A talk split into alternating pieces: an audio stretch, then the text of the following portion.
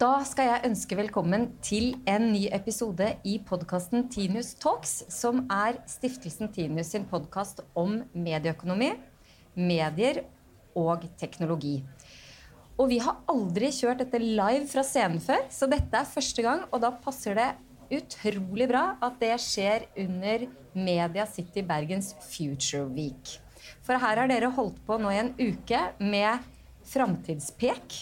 Og det er det vi hovedsakelig skal snakke om nå. Og de vi har invitert til å snakke om det med, er Grete Jetland, som er daglig leder i selskapet Highsoft. Velkommen. Tusen takk. Og Kjetil Moland Olsen, som er produktsjef i selskapet Vimon. Takk for det. Og Petter Ole Jacobsen, som er innovasjonsdirektør og gründer av selskapet Wizard T. Hei. Hei. Og til slutt da Anne Jacobsen, som er rett og slett daglig leder i Media City her i Bergen. Og nå har det altså vært en uke med fokus på hva som er i gjære. Og jeg begynner med deg, jeg, Grete. Hva er det du har tatt med deg denne uka her som du tenker at ja, der er det noe som du har tro på at det er i gjære? Ja, jeg ser jo veldig masse positivt her. Og at vi må, være, vi må på en måte ta de framtidssignalene som ligger i teknologien. Det må vi ta, og ta ned og gjøre noe med i de lokale bedriftene. Nå er jo ikke jeg representant for en mediebedrift, men, men, eh, det jeg har i alle fall opplevd av de uh, sessionene som jeg har vært på her, det er at uh, det skjer veldig mye. Hvis ikke vi er med, så detter vi av. Så du tar med deg noe hjem til Vik i Sogn, faktisk, mm. og prøver å knekke det lokalt? Ja, vi er jo et, eh, en softwareprodusent som hele tiden er på jakt etter nye trender innenfor visualisering. Og, og, og det, vi, det, vi, er opptatt av, er jo at uh, data skal være tilgjengelig for alle. Eh, og universell utforming er jo en av de retningene vi har gått på. Jeg har ikke sett så mye av det her, men, men jeg har veldig tro på at vi har mye å lære uansett. Og for Vimons del, Kjetil, hva er det du kommer til å ta med deg som du har tro på at er i gjære? Ja, for På en sånn konferanse så handler det litt om å se på hva som ligger langt frem, eh, og hvor er vi nå. Min takeover takeaway etter å ha vært uh, en hel uke her, det er at AI fortsetter å være i vinden, eller deler av AI-begrepet maskinlearning og tilhørende eh, teknologi. Det jeg tror er nøkkel, og det føler jeg kommer tydelig frem i en del av de sesjonene som har vært, er at det handler også om å plukke og mikse litt. Se litt på ikke som AI som eh, det som skal gjøre oss arbeidsledige i fremtiden, men kanskje som våre nye kollegaer. Som eh, muligens kommer til å slå ut litt hardere i sikkerhetskontrollen når vedkommende passerer gjennom på flyplassen. Mye metall. Men uh, jeg tror, har veldig tro personlig på den miksen av uh, maskin og menneske. og så vi kan populært kalle cyborg-approachen. Det er mitt tips. At i de neste årene kommer det til å handle mye om det. Ja, La oss komme litt tilbake til det, men nå skal jeg bare høre med Petter Ole her.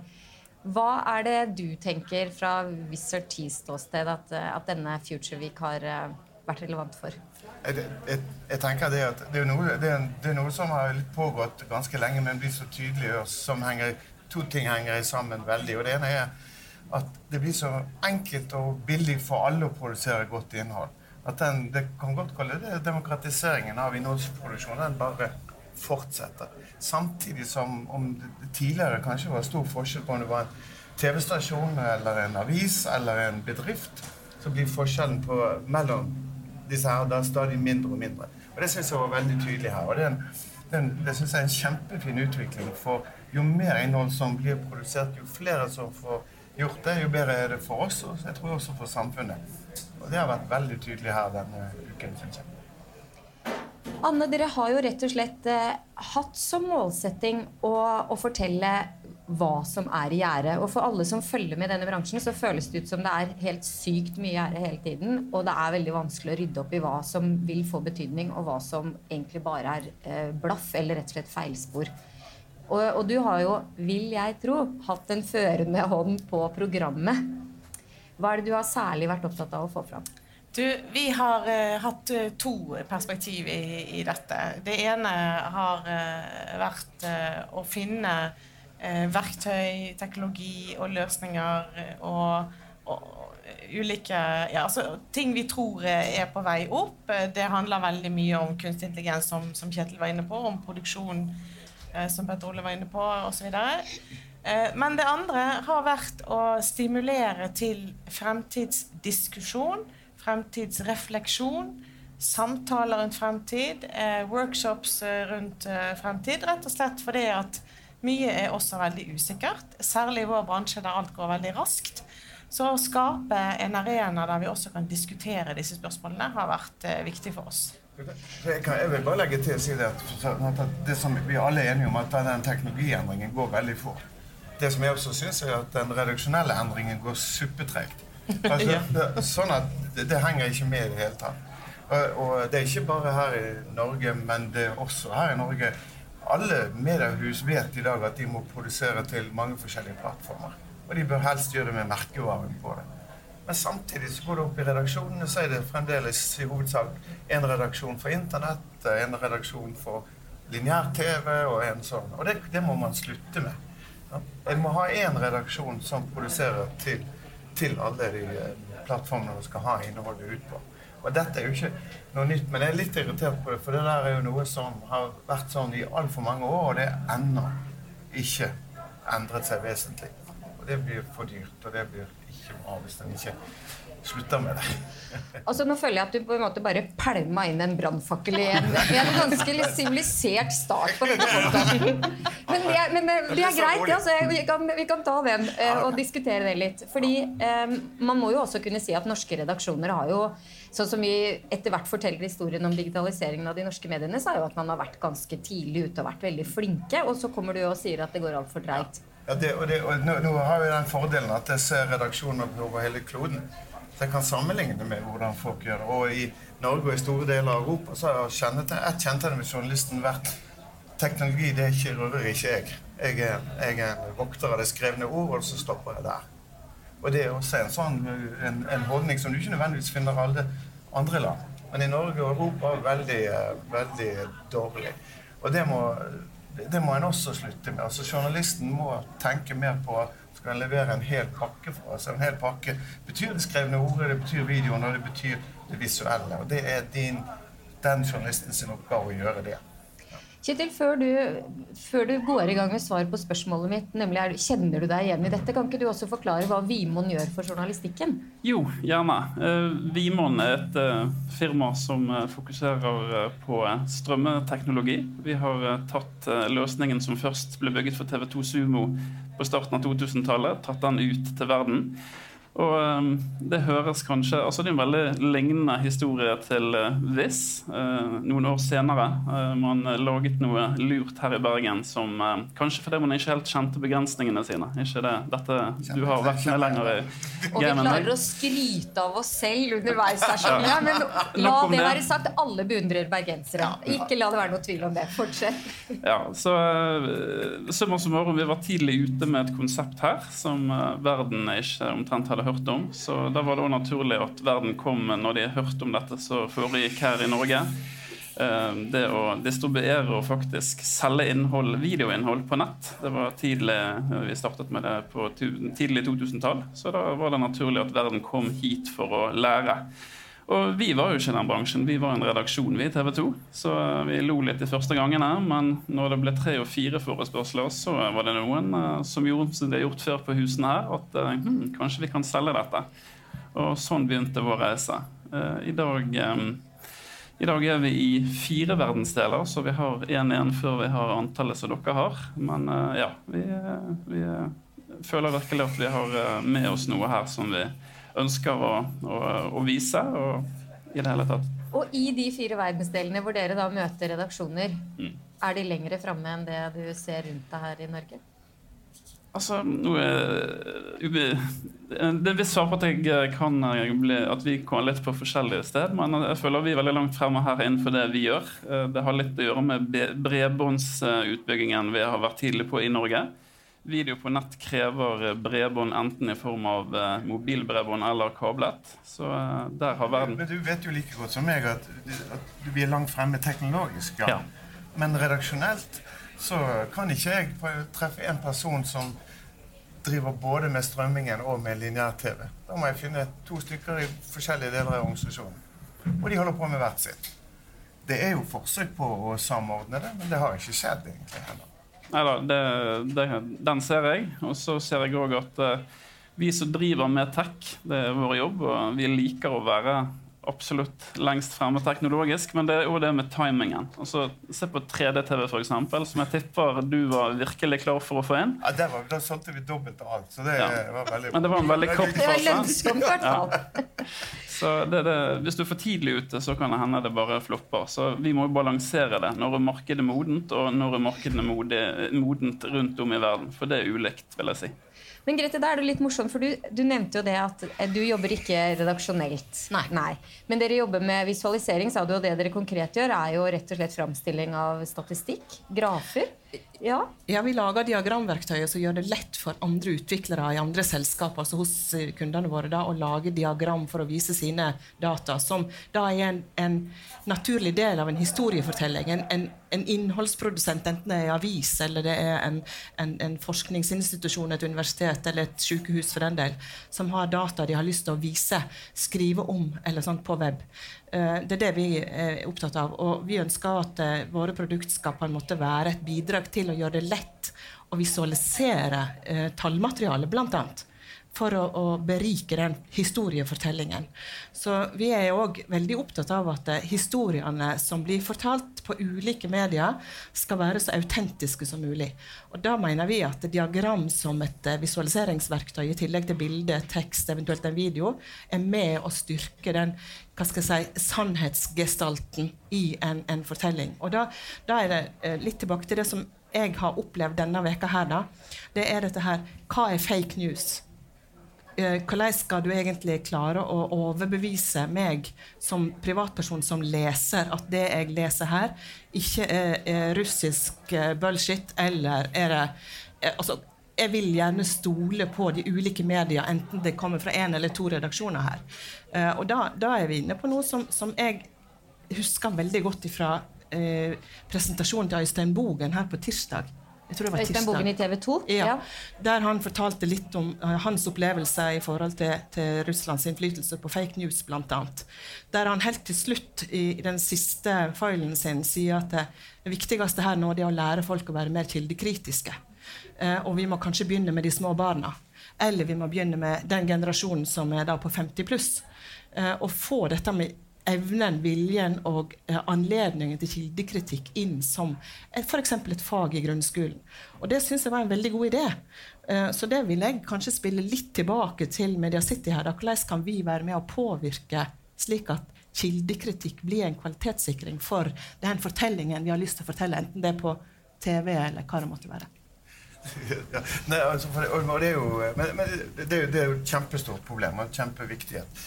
Eh, nå kan jeg jo si at vi, vi, vi har jo RT Today som kunde òg, så det, det med å lage fake news kan jo også være en businessmodell. Men, men det er ikke Og det var litt interessant å ikke bare passere. Sier du at Visual Til lever av produksjonen av fake news? Nei, vi Det må du avklare. vi, eh, vi leverer kun en hammer, et verktøy, og det, da vet ikke vi hvordan eh, brukeren hva de gjør med det. Så, Den henger, sier den henger fortsatt, den der, altså. Eh, Ja, men altså, vi har vel 5000 TV-stasjoner. Og vi har jo noen av de jo, i nærme oss også som har i hvert fall republisert fake news. um, Ja, også, så det, det, er ikke, det er ikke så lett å unngå det på den måten. Men det, det er jo noen grep man kunne gjort istedenfor bare å prate om og, og, og hva man skal gjøre med fake news. Så er det, er det noen helt enkle grep som er tilgjengelige nå, som ikke vil fikse det, men som vil forbedre det. Og det er overraskende nok kommer det fra meg, men det er også å lage et solid eh, visuelt uttrykk med grafikk som er vanskeligere og igjen å, å bare kopiere og lage en, en kopiside av og sånne ting. Og det kan man bare skru på nå. Hvis en valgte å bruke litt krefter på å øke eh, brandingnivået eller visualiseringsnivået også online. Og det, det er noe som man bare kan gjøre. Eh, ja. Ja, ikke sant? Og da sier de det er noe man bare kan gjøre. Eh, og, og nå snakker vi egentlig om det samme, men fra to ulike innfallsvinkler, Anne. Og det handler om eh, journalister, redaksjonenes evne til bare å gjøre det. Altså håndtere verktøyene selv. Jeg vet at du av natur er så utålmodig at du vil sikkert uansett svare ja på dette spørsmålet, men har, er journalister eh, ikke gode nok til å lære seg nye verktøy, som, eh, som det blir påstått her? Ehm, litt skal nyansere det bitte litt. Jeg er jo ekstremt imponert over veldig mange av de redaksjonelle miljøene her i huset.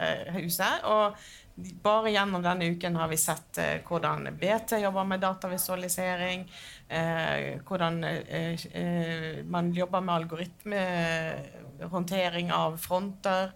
Eh, så jeg vil, vil, si at det skjer utrolig mye positivt eh, her. Samtidig så har vi også hatt et frokostmøte her med toppfolk, toppkompetanse, rundt det som går på hvordan påvirker kunstig intelligens mediebransjen, og hvilke muligheter ligger der.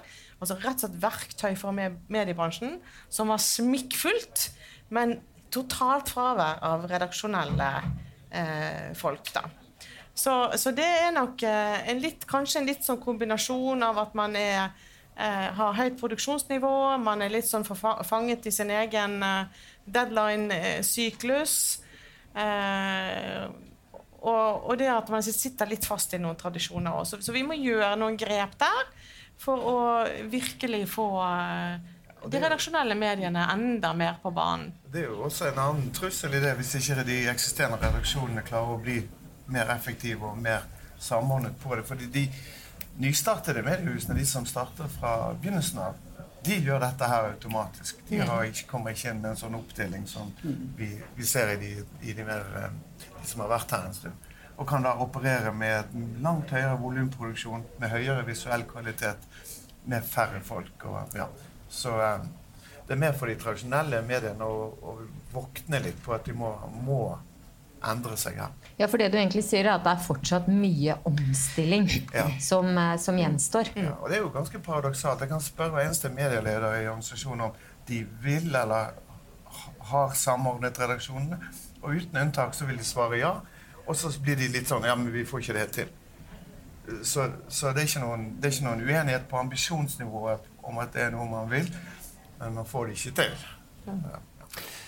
Ja, jeg tenker også Som teknologer så må jo ha vi ser et ansvar for å se på hvordan vi teknisk sett kan løse problemet. Eh, nå vet vi hva problemet er. Men de vil bare ikke kjøpe den. Dere er langt fremme, vet du, så vi har litt å Men uh, utfordringen er det at å lage fake news som er troverdig, er blitt fryktelig billig. Vi har jo sett den trenden med at uh, produksjonsutstyr har falt i pris drastisk de siste 20 årene. og dere selger fortsatt etter premium, som vi sier på engelsk. Det, så det viser at det markedet er der. Men samtidig så er kidsa i gang med å lage produksjoner som for folk flest kan være til forveksling eh, like høy kvalitet som det som lages i studioene.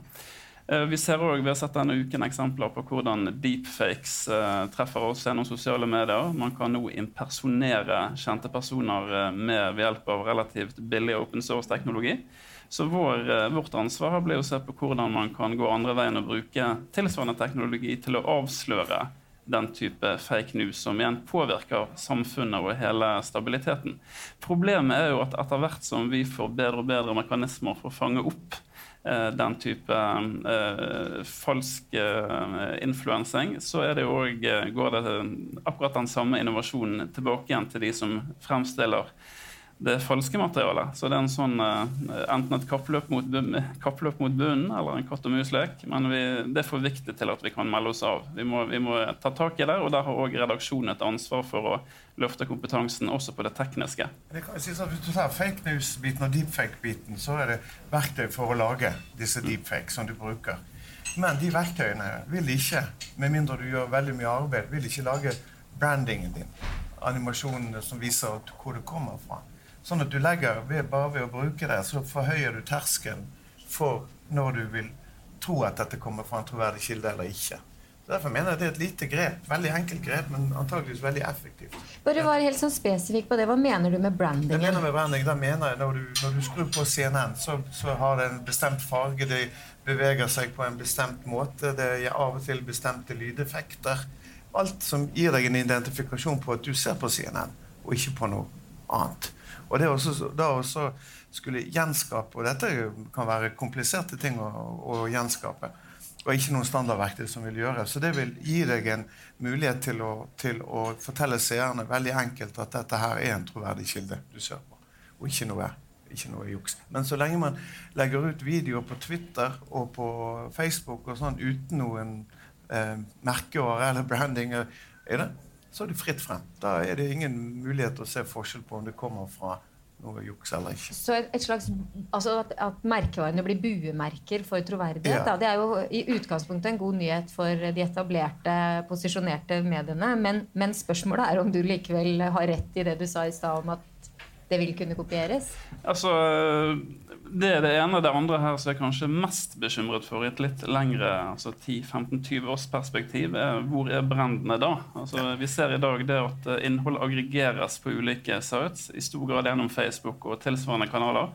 Det gjør at det er innholdet som blir viktig, og brandet Jeg frykter at det taper seg. Jeg håper det ikke skjer, men jeg er redd for at uh, du og jeg i 2040-versjonen eh, er mer opptatt av eh, hva som eh, går her, og ikke hvem som er avsender. Og det må vi også, og jeg tenker det du sier der med byggebrenn, gjerne gjennom innpakking, men også gjennom faktisk ja, Kanskje helt ned, ned i skolen og jobbe med pressekritikk og kildekritikk hele veien må til. For vi står over en, overfor en omveltning her som kan, som kan ta nakken på, på samfunnet vårt. Altså. Finland har visst begynt med dette her i skolen.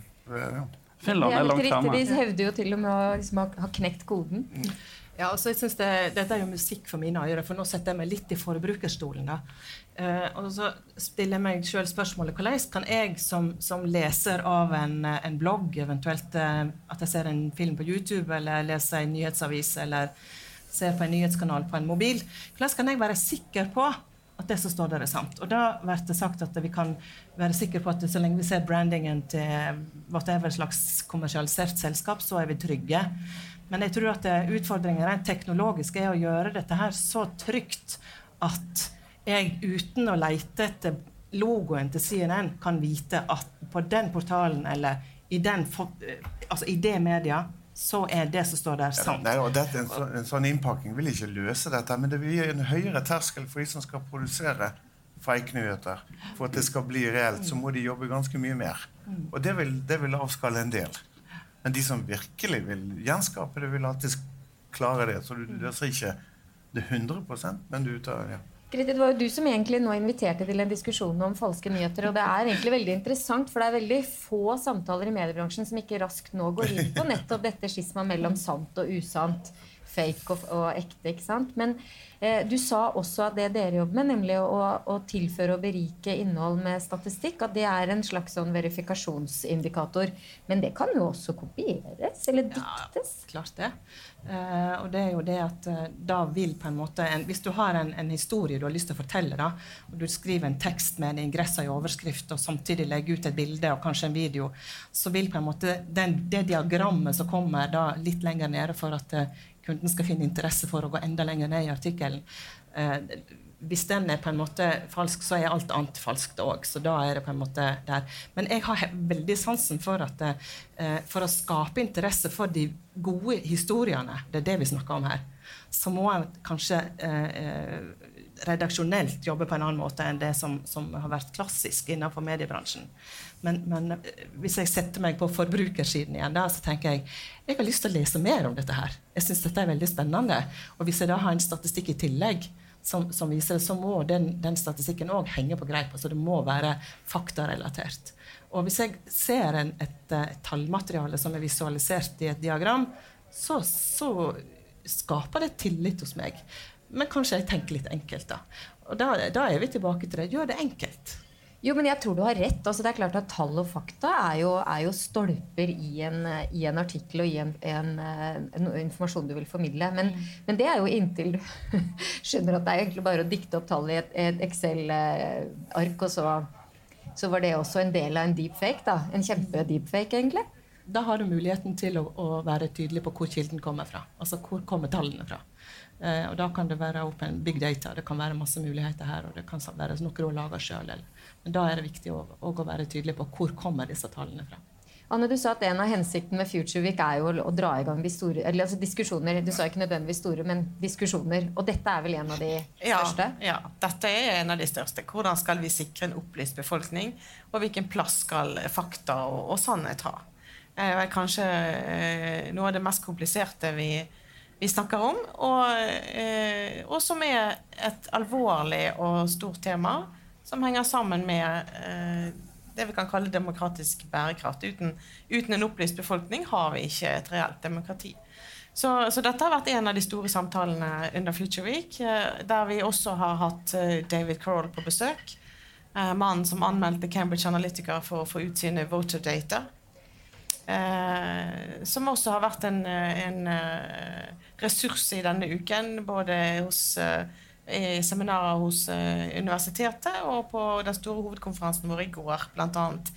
Eh, så, ja. Siden vi nå driver med litt sånn cherrypicking fra programmet, hva, hva, hva var takeaway fra han, syns du? Eller hva bør, hva bør viderebringes? Ja, det er jeg trodde at jeg visste hvor massivt denne her eh, Cambridge Analytica-skandalen egentlig var. Men vi fikk også en sneak peek på Netflix sin film The Great Hack, som har fulgt bl.a. David Crowley til et år. Eh, og det store problemet her er jo ikke bare at vi utnyttes, eh, og at vi manipuleres, men det er også det at eh, vi har ikke et lovverk til å straffe det. og at det foregår hard kriminalitet i, i denne, denne, siden av saken. Det er ekstremt disturbing. Jeg har lyst til å snakke om noe litt annet. Jeg, for hun... kan jeg fryse deg, Dagrethe? Ja, gjør gjerne det. la, la, meg liksom bare holde litt på Kanskje jeg bare får slenge inn en kommentar til den der. Da, for eh, Det var en av de virkelig høydepunktene for meg også. Dette. Det, den tingen, og Jeg fulgte nokså nøye med på det. Det jeg ikke var klar over, og mange ting jeg ikke var klar over, men som, som tenkte, ha, det var jo, var jo, eh, hvor aktiv Facebook faktisk var sjøl med i dette her. At de sjøl hadde egne promoterings systemer for å, å endre eh, velgernes meninger. Som de annonserte fritt på Facebook, som er helt borte nå. Men så de har klart ganske godt å, å, å, å gi skylden til Cambridge Analytica på det hele. Men at de var faktisk dypt inne i det sjøl, var ikke jeg klar over. Ja, det var skremmende. Og da berører du jo egentlig det som jeg i hvert fall oppfatter som den neste store og alvorlige diskusjonen, og det er jo etikk dynamikken i eh, teknologiutviklingen.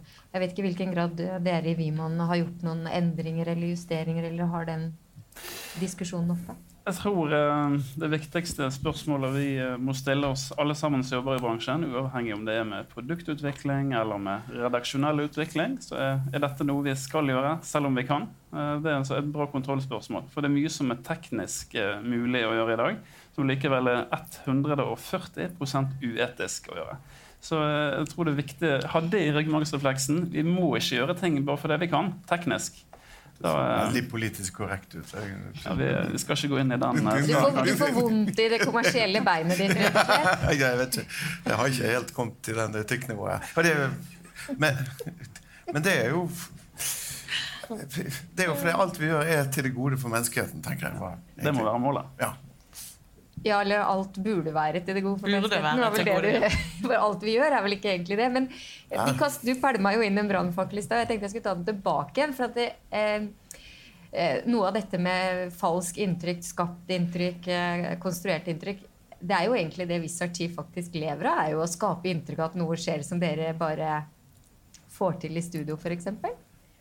Jeg vil ikke formulere det sånn, for det, det, jeg skjønner hva det går men, men, det er klart det er jo ikke det vi gjør. Det vi gjør, det er at vi tar en vanskelig, kompleks historie og gjør den forståelig for seere. Og det, så, så, vi hjelper folk å forstå hvordan verden egentlig er. Da. Så uten oss så hadde det vært et uh, mye mindre opplyst folk på verdensbasis, tenker jeg. Ja. Og ja. det er så uh, Hva skal man si beskjedent sagt? Ja,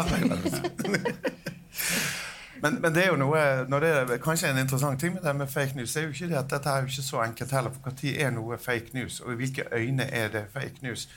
Noe som blir, blir uh, i, og med, i, og med, at vi har kunder i, i Midtøsten, i, i, Russland, i USA, vi har Fox og vi har CNN, så er det klart at hvis du bare ser, tar samme saken og ser den på Fox, og så ser du samme saken på CNN, så ser du to vidt forskjellige ting. Og det kaller vi jo ikke fake news. Det er vel mer et mediemangfold? Ja, men det, det, er veldig likt på mange måter. Når du ser hva f.eks. RT Today kan gjøre noen ganger, så er ikke det alltid så veldig forskjellig fra hvordan Fox News igjen gjør det. Så det en så den problemstillingen som ikke er fake news, egentlig, men at det kommer så veldig mange biases inn så sterkt, gjør at du for publikum må det være fryktelig vanskelig av og til å skjønne hva i verden er det jeg skal tro på her. Og det er jo også, Vi snakker om ekkokammer, men egentlig så kunne vi like gjerne snakket Anne, om at det er eh, ekstremt vanskelig å vite hva som faktisk eh, er mest å tro på. Ja, det er, det er kjempevanskelig. Eh, og det er ekstremt vanskelig å orientere seg. Og det er vanskelig å vite hvor du skal finne troverdig informasjon av og til. Men det som er også poenget her, som jeg synes er veldig veldig viktig at vi tar inn over oss, som vi også har snakket en del om i denne uken, det er at dette med fake news og deepfake er ikke et medieproblem eller et teknologiproblem. Det er et samfunnsproblem der det mangler egentlig alt fra etikk til et lovverk eh, som kan regulere disse tingene. Og jeg, jeg kjenner meg ganske overbevist om at dersom vi hadde hatt god nok kompetanse på disse tingene tidligere, så hadde vi ikke vært i den situasjonen vi har vært i med Cambridge Analytica og Facebook. Og Det understreker bare at vi fra skoleverk, fra redaksjoner og hele veien gjennom samfunnsstrukturene er nødt til å oppdatere oss på kompetanse og kunnskap. Vi er nødt til å forholde oss til disse verktøyene. Vi må forholde oss aktivt til kunstig intelligens. Og det må også inn i enhver redaksjon. Ekstremt viktig. Og der eh, jeg føler dette treffer redaksjonene for fullt innenfor uh, feltet personalisering. Uh, mediene har opp til nå vært, en, en broadcast-kanal gjennom avis, TV eller radio. Så vet vi at en gruppe får den samme informasjonen til samme tid. Det vet vi ikke lenger nå i den tiden vi går inn i. Hva jeg får på min eh, BT.no, eh, vil avvike fra hva Anne får og Petter. Og... Du får gjerne en annen, samme sak med, med en annen headline, f.eks. Nettopp. Så tilpasset meg. Så jeg har kanskje min forestilling av samfunnet vi lever i. Bergen, bompengesaker etc., som er i vinden akkurat nå om dagen.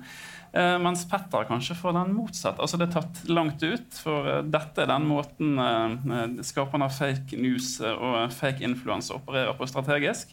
Eh, og jeg eh, er relativt trygg på at redaksjonene ikke går ned den veien, men det er bare en fare for at også små variasjoner i hvilket innhold vi serveres, kan slå ut i et større samfunnsmessig perspektiv. Alt er et system. Vi vet ikke hvordan dette vil eh, påvirke de store bildene på sikt. Det vil vi få vite kanskje noen år. På en måte er alle problemer merker når jeg kommer hjem. Så min kone har ikke samme forståelsen av nyheten som jeg hadde. Og hvis du da legger dette her i tillegg at hun har fått en annen sak enn meg, så blir det jo bare masse bråk, tenker jeg. Var det lettere før, Grete, når alle hadde lest det samme? Ja, kanskje. Men, men eh, jeg har lyst til å se litt fra en annen side. Da, fordi det, det, må jo være redaksjonell frihet. altså Det er jo det. Eh, og her på et av de seminarene som har vært i, i forbindelse med Future Week, så har jeg latt meg fortelle at hvor er den framtidige journalisten? Eh, opp imot en eh, tenkt eh, bot, som er det nye ordet som jeg har skjønt. Og da tenker jeg at ja takk, begge deler. Vi må iallfall aldri tro at eh, journalistene er overflødige. Eh, fordi at så lenge vi kan ha en relasjon, så lenge menneskene har lyst til å fortelle noe til verden, så så må vi gjerne bruke AI som teknologi. Men, men journalistenes rolle blir, er, er, kanskje viktigere for framtiden enn den noen gang har vært. Sånn som jeg ser det iallfall. Jeg kjenner jo at det er veldig musikk i mine ører. Altså. Og Kjetil sa jo det i starten, Anna, at, at eh, AI og, altså, og, medarbeideren må gå hånd i hånd. Men da må man jo kunne AI, da. Ja, man må det. Man er nødt til å oppdatere seg på disse verktøyene. Og man må forstå implikasjonene. Og man må benytte seg av mulighetene. For dette er også muligheter som eh, Altså ekstreme muligheter rundt dette med å effektivisere, med å drive gravejournalistikk, eh, analysere videoinnhold, eh, produksjonsflyt osv. Som kan både frigjøre tid og gjøre mye arbeid mye mye enklere og raskere. Så, så det må man bare forholde seg til. Man må eh, både forstå det og forholde seg til det. Samtidig er det også igjen, jeg tror vi kommer tilbake til det fra starten, i starten her med miksen er essensiell. Eh, jeg tror fortsatt at, eh, jeg håper at eh, folk fortsatt vil ønske å kjøpe et redaksjonelt avtrykk som er i hvert fall delvis satt av mennesker, ikke bare en maskin. For det, det føler jeg det får jeg gjennom Google og andre medier i dag. Jeg ønsker å ha noen å stole på innenfor disse brandene, som jeg igjen håper vil bli sittende i fremtiden òg. Og at jeg vet hvem som hvilken, eh, hvilken eh, tanke hvem som eier tanken som formidles, og ikke bare en eller annen eh, mekanisk eh, mann av stål. Jeg hadde en diskusjon med utenriksavdelingen i TV 2 et sted for noen år siden hvor jeg mente, da kanskje litt spisset det litt, med hensyn på at eh, egentlig kunne vi lage et system som gjorde utenrikssakene bedre enn hva de klarte. Og, eh, men Da ble det god stemning, tenker jeg. Jeg vil si sånn, De kastet meg på sjøen. Det gjorde de. Ja, de gjorde det. Så, men men eh, jeg, jeg tror jo jeg, jeg tror jo det som med, med, det er Noen til kunstig intelligens er så stort begrep, og det er jo noe av det helt umystisk og veldig greit. Det at du kommer til å få mer informasjon om videoene dine, det er ikke noe farlig i det. Det er bare positivt.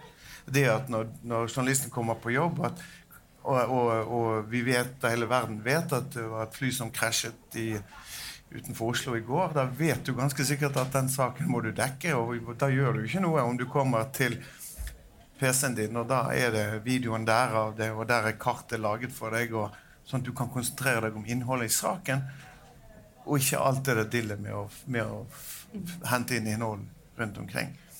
Men da blir jo AI igjen som et sånn hjelpeverktøy for journalisten, som gjør at man kan bruke hodet og tiden på det som er viktig for journalisten, analysere og finne ut hva det egentlig som skjedde. Så det der ser jeg veldig, veldig positivt på. Ja. Enorme muligheter. Ja. Der er vi enige, tror jeg. Ja, det syns jeg. Da har vi løst den, den ja. samarbeidet mellom. Men la oss snakke litt om penger. Fordi eh, både både Vimonda og Wizard Tea er jo eksempler på gode redaksjonelle produkter som er blitt kommersialisert, og som dere da tjener eh, relativt eh, bra med penger på. Og nå skjønner vi jo at det er fire og fem kontinenter. Er liksom, det er der eh, konkurransen står. Men i hvilken grad Anna, har, dere, eh, har, det, har den debatten og disse løsningene vært oppe? For alle vet jo at parallelt med troen på det gode innholdet, så er det jo også samtalen om inntekter til det redaksjonelle. Ja, det er kjempeviktig. Og det å lage bærekraftige modeller for uh, de redaksjonelle miljøene er uh, høyt på agendaen her. Men kanskje med en litt annen vinkling enn den tradisjonelle. For vi hører jo altfor mye, og vi har mye besøk hit til media City, bl.a. av politikere. De er opptatt av å vite hvor skoen trykker, og de vil diskutere annonsemodellene. Det er, eh, er egentlig det som er. Og hva gjør man med frafall av annonseinntekter? Og det er å, dette fokuset på å reparere annonsemodellen er litt som å be om en bedre hest når du kunne bedt om en bil. Vårt fokus her har vært å skape nye verktøy som kan ha en annen inntjening. Eh, og så kan man erstatte gamle modeller, eller supplere gamle modeller, eller lage mer distribuerte betalingsmodeller, f.eks. Og da handler jo det om eh, nye verktøy, nye tjenester. Eh, eh, vi har, jeg har nevnt tidligere BT Lytt som et veldig godt eksempel på det. Som er altså Eh, podkast... En plattform for lydinnholdet til BT.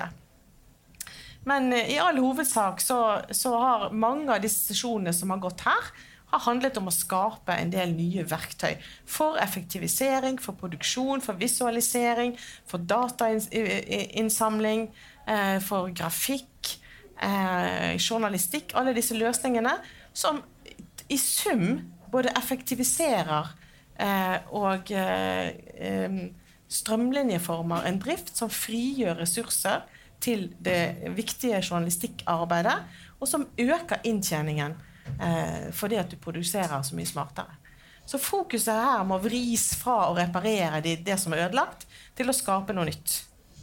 Er det noen av dere da, For alle dere tre selger jo produkter da, til redaksjonene. Er det noe dere tenker at redaksjonene, som dere ser fra deres ståsted, burde lære av dere da? Kommersielt? Grete? Uh, jeg har en sånn grunntanke om at hvis vi kan gjøre ting, en, ting enkelt, så gjør vi det. Eh, og enkelhet er i veldig mange sammenhenger og eh, effektivisering. Eh, og tid er penger. Og nå er det jo ikke så mange redaksjoner som har deadline klokka fem lenger, da, men det er jo en kontinuerlig deadline. Og da tenker jeg at hvis du har verktøy enten innenfor artificial intelligence eller hva det måtte være, som gjør det lettere, sånn som Anne sier, å ha fokus på det redaksjonelle innholdet, altså den, den journalistiske verdien du legger i en, en historie eller en nyhet, eller hva det måtte være, ja takk, vi tar en sånn. Og ut fra vårt ståsted så tenker jeg at da blir mangfoldet på tilgang på verktøy òg interessant i denne sammenhengen her. Jo, jo mer teknologi du kan bruke for å gjøre den journalistiske arbeidshverdagen enklere, jo bedre er det for alle.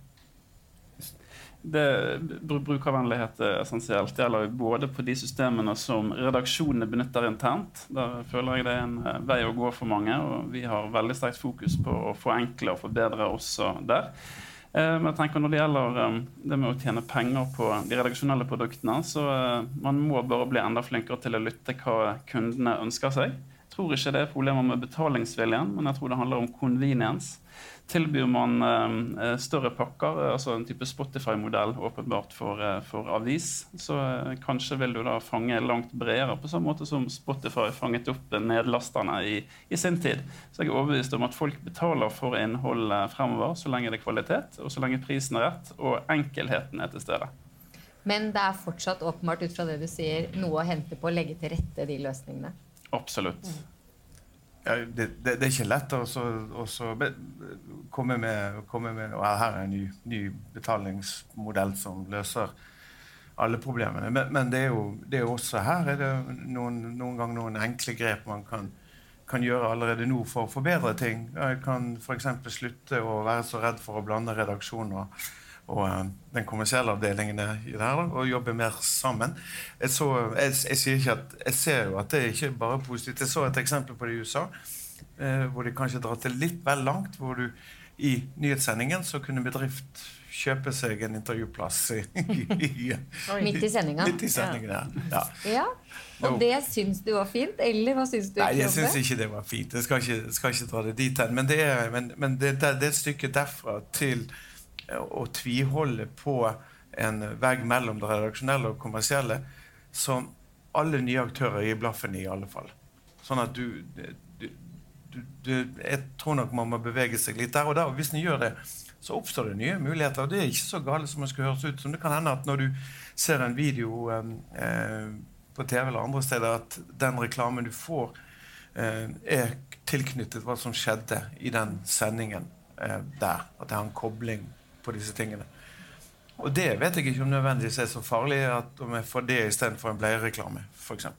Ja. Altså for en som da vokste opp i troen på det frie og uavhengige innholdet, som selvfølgelig er ubesudlet av det kommersielle, så, så, er jo det litt sånn Jeg prøver å følge deg, men jeg har ikke lyst. Nei. Anne, men jeg så du nikka nå. Var det en grunn til det? Jeg tenker at uh, man må være flinkere til å uh, tenke helhetlig. Jeg vil ikke ha noen kjøpt uh, redaksjonell plass. Nei, absolutt ikke. Men at man må være flinkere til å tenke eh, helhetlig i, i redaksjonen og mediehusene er helt avgjørende her. Eh, og, og summa summarum, nå når alt går så fort, og vi alle må forholde oss til egentlig et globalt marked, så er det, er det så enkelt som at hvis ikke du klarer å endre noe her, så vil du sannsynligvis ikke overleve. Det er det det handler om.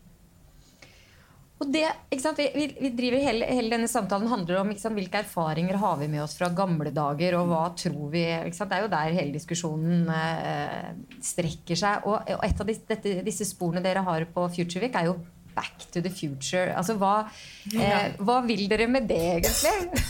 ja, det var jo he, hele staben min står med stor undring eh, på Kjetil og meg, som faktisk eh, introduserte det eh, på programmet. Ja, jeg drømmer ennå. Ja. ja, han undrer seg ennå. Er du, er du medskyldig?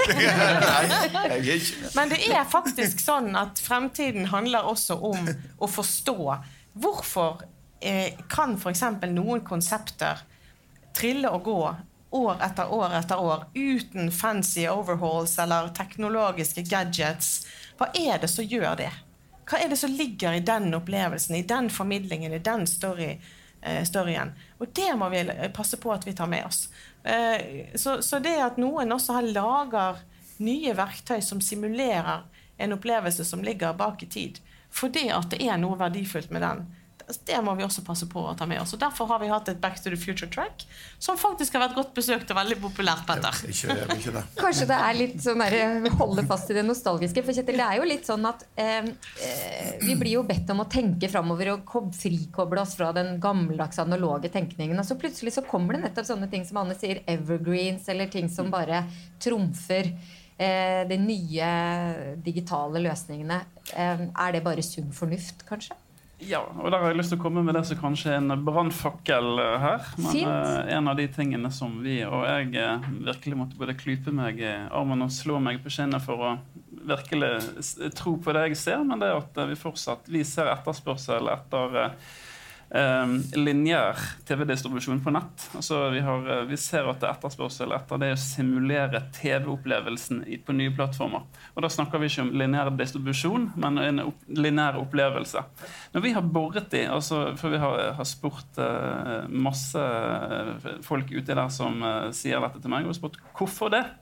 Så sier det altså grunnen er at uh, Kjetil, husk, uh, lineær-TV det har uh, vært med oss siden etterkrigstiden. It's a proven way of uh, serving content. Og det er et bra eh, I en viss modus, i bakoverlent modus, er det lite som trumfer det, mener noen av de viser. Som et supplement til alt det andre vi gjør. Men det viser òg at vi må være veldig åpen for eh, hva vi selv tror er fremtid, og hva kundene våre faktisk sier at er fremtiden. Det blir en miks. Men du nå er det jo dere som har vært på villspor der lenge, og nå har dere kommet tilbake i, i denne biten her. Da. Så det har alltid, alt, aldri vært uklart for oss at det der det, så, så velkommen tilbake i den. Da. Back to the future. Jeg, jeg kan si det at jeg eh, installerte jo for to uker siden et kamera utenfor krabbeteinen min på hytta som streamer kontinuerlig. Og det er det som står mest på. Kjempekonsept for lineær-TV. Ja, det er, det er sånn så lineært som du kan få det. Men, og det, så jeg ser på det hele tiden. Ja, Ja, Det er kanskje den største bekymringen, men det handler om noe helt annet. Kjetil. ja, og uh, vi, har jo, vi ser slow-TV her i Norge. Det er jo en lineær opplevelse. Uh, det som kanskje er aller mest overraskende når jeg hører uh, kunder be om dette, er at de ønsker at det skal ikke bare være en simulert live. De vil at alle seerne skal få, få, få servert det samme innholdet samtidig. Så man peker, viser litt til leirbåleffekten. Man ønsker eh, opplevd fellesskap. Og det, ja, jeg er veldig usikker på om eh, dagens kids vil eh, si det samme om ti år, når de skal sitte og bestemme. Men per nå så tror jeg tror ikke vi skal avskrive lineær, eh, li- eh, distribusjon helt. Og jeg tror at eh, eh, Ja, vi må bare anerkjenne det at de, de systemene som er i sving, de er trege. Det tar eh, mye, alltid mye lengre tid enn vi tror før ting endrer seg. Og det, Siden Petter Ole nå nevnte de der tegnene som ble veldig forstyrrende bilder må jeg si, på alt det avanserte og fine vi snakker om, men, det, men etter at vi er ferdige nå, så skal det faktisk være et innslag her på Futurevik som handler om det veldig særnorske, og da mener jeg med vekt på sær. Nettopp disse lange ikke sant, minutt for minutt-sendingene. Anne, hva er det med det?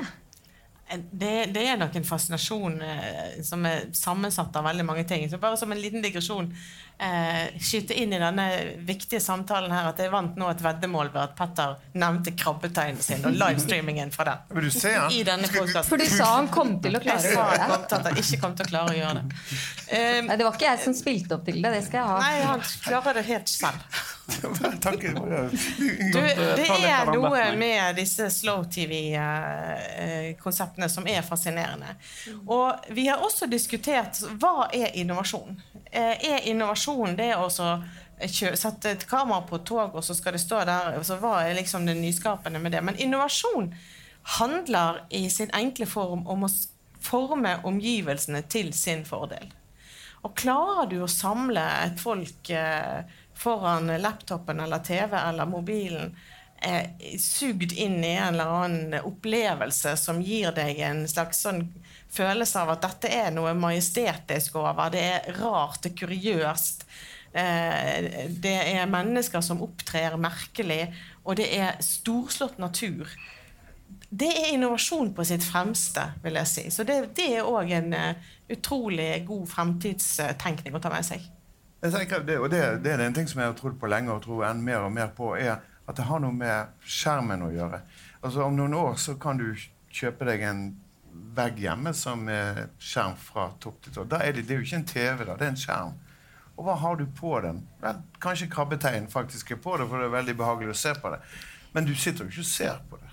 Det er bare en del av rommet ditt.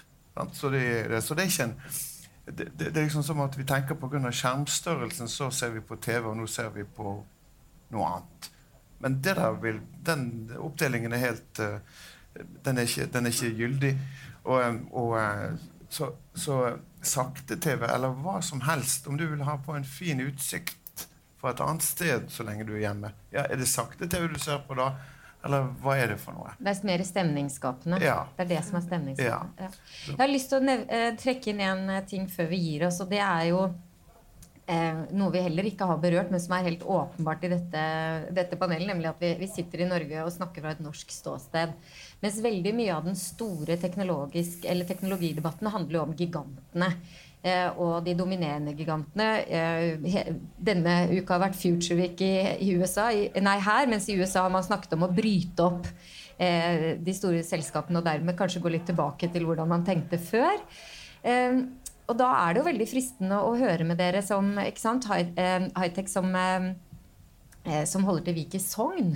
Eh, og startet med, med ønsket om å måle snødybde. Mm. Eh, altså, hvilke helt klare overlevelsesstrategier og fordeler fins det ved å være fra Vik i Sogn og være teknologiselskap? Ja, vi er jo grådig gode, da. Ja.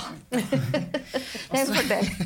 Nei, altså det at uh, min gode kollega og gründer Torstein Hønsi hadde en idé om at han ikke bare skulle måle snø på Vikafjellet for å konstatere dette er fakta, folkens. Det var noe vi drev og diskuterte hele tiden. Hvor mye snø er det egentlig? Fra å, å, ha lyst til å måle snø til faktisk å komme dit at han lette etter et visualiseringsverktøy for å vise snødybder på, på sin egen hjemmeside. Og så fant ikke han det han, han lette etter på nettet, og så lagde han sitt eget verktøy. Fra, fra, å komme fra den gründerideen og komme liksom ut i verden med dette her, her så tenker jeg enkelhet kunden sitt behov har vært det viktigste for oss. da. Og, og, og, Fordelen med å bo i Vik det er jo fordi at det, eh, det var der vi bodde, men vi jobba jo ikke i Vik, vi jobba jo på internett. Så vi jobber jo worldwide. Vi ser jo ikke en landegrense, vi ser ikke en kommunegrense. Så for oss er det, er det, det at vi bor i Vik, er jo veldig eksotisk, da. Men det er det det er. Eh, og vi er altså lokalt funda, men vi tenker globalt. Og det er ikke noe rarere med Viken det med hvor, at Bergen er det verdens største medieteknologimiljø. Det er minst like rart, kan du si. da. De, ja. Ja, for det, Bak her så ligger jo f.eks. Elizabeth Warren, som er en av de presidentkandidatene. Hun snakker jo om the kill zone. Eh, altså De som forsøker å gjøre noe som ligner på det eh, teknologigigantene vil gjøre, de bare blir borte. Mm. Men her lever man jo i beste velgående. Ja, og egentlig så har vi jo egentlig litt av den samme effekten at størrelse gjør at du kan vokse raskere. Så jo større systemet er her i den medieklyngen, jo raskere vil vi vokse alle sammen. Ikke, kanskje ikke til de nivåene der, men, men, men, det har noe av samme effekten. At, eh, så, og det vil være vanskeligere for andre å komme inn og ta noen sånne posisjoner som vi har andre steder i verden. Som det vil være vanskelig for noen å lage en ny Facebook eller en ny Google. Den samme mekanismen egentlig, litt forskjellige størrelsessettinger. Mm. Uh, vi har jo vokst naturlig, noen vil kanskje kalle det organisk. Uh, og det har vi gjort gjennom samarbeid med kundene våre.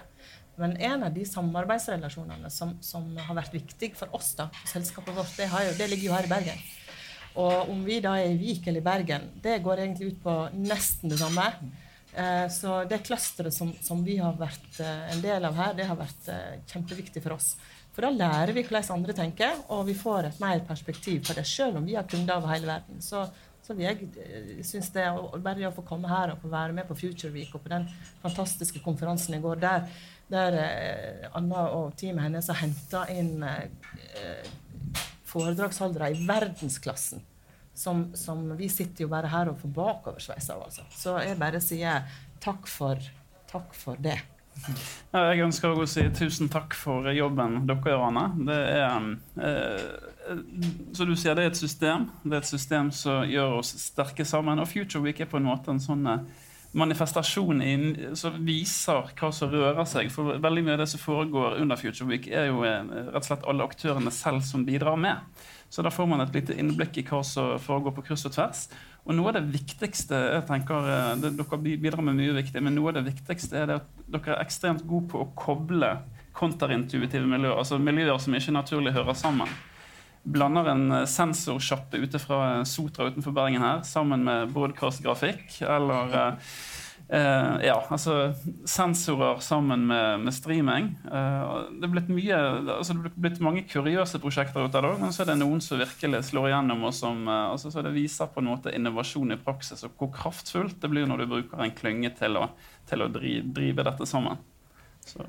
Og da gir jeg ordet til deg til slutt, Ane. For hva er eh, ingrediensene i denne magiske miksen i Media City? Eh, no, eh, noen har spurt meg denne uken eh, altså Vi har hatt 50 sesjoner pluss en svær konferanse. Konferansen gjør vi sammen med vår søsterklynge Finance Innovation. Men noen har spurt meg hvordan klarer dere med det lille teamet på seks å sette opp dette der. Og så svarer vi at nei, nei, vi er et par tusen. For det som er av innhold her, alle sesjoner, alle workshopene, alle seminarene, alle diskusjonene, debattene, er skapt av medieklingen sjøl. Altså det er manifestasjon av hva man kan få til når eh, 100 medlemmer drar i samme retning, med 100 medlemmer som er fremtids- og innovasjonsorientert. Så, så, det er en fantastisk takeaway når du ser hvordan dette eh, miljøet kan eh, dra i, i, felles retning. Altså det, det er det er nesten rørende. Så bra. Ja, men det er jo egentlig det. Jeg skal også ende med å takke her, men jeg skal først si at eh, det gjør at jeg både gleder meg til neste års Future Week og ikke minst gleder meg til framtiden. Mm. Det er jo det viktigste. Ja, det er det viktigste. Jeg er enig. Ja, og da skal jeg altså takke dere i rad og rekke. Grete Jetland, som er eh, daglig leder i Highsoft. Mm. Og Kjetil Moland Olsen, som er produktsjef i Vimon. Petter Ole Jacobsen, som er innovasjonsdirektør og dessuten gründer. Jeg vil gjerne ta med det, for Wizard ja. er den suksessen det er. Og Anne Jacobsen, som er daglig leder i Media City. Takk til dere alle sammen. Tusen takk. Takk for at du fikk komme. Veldig hyggelig. Flott.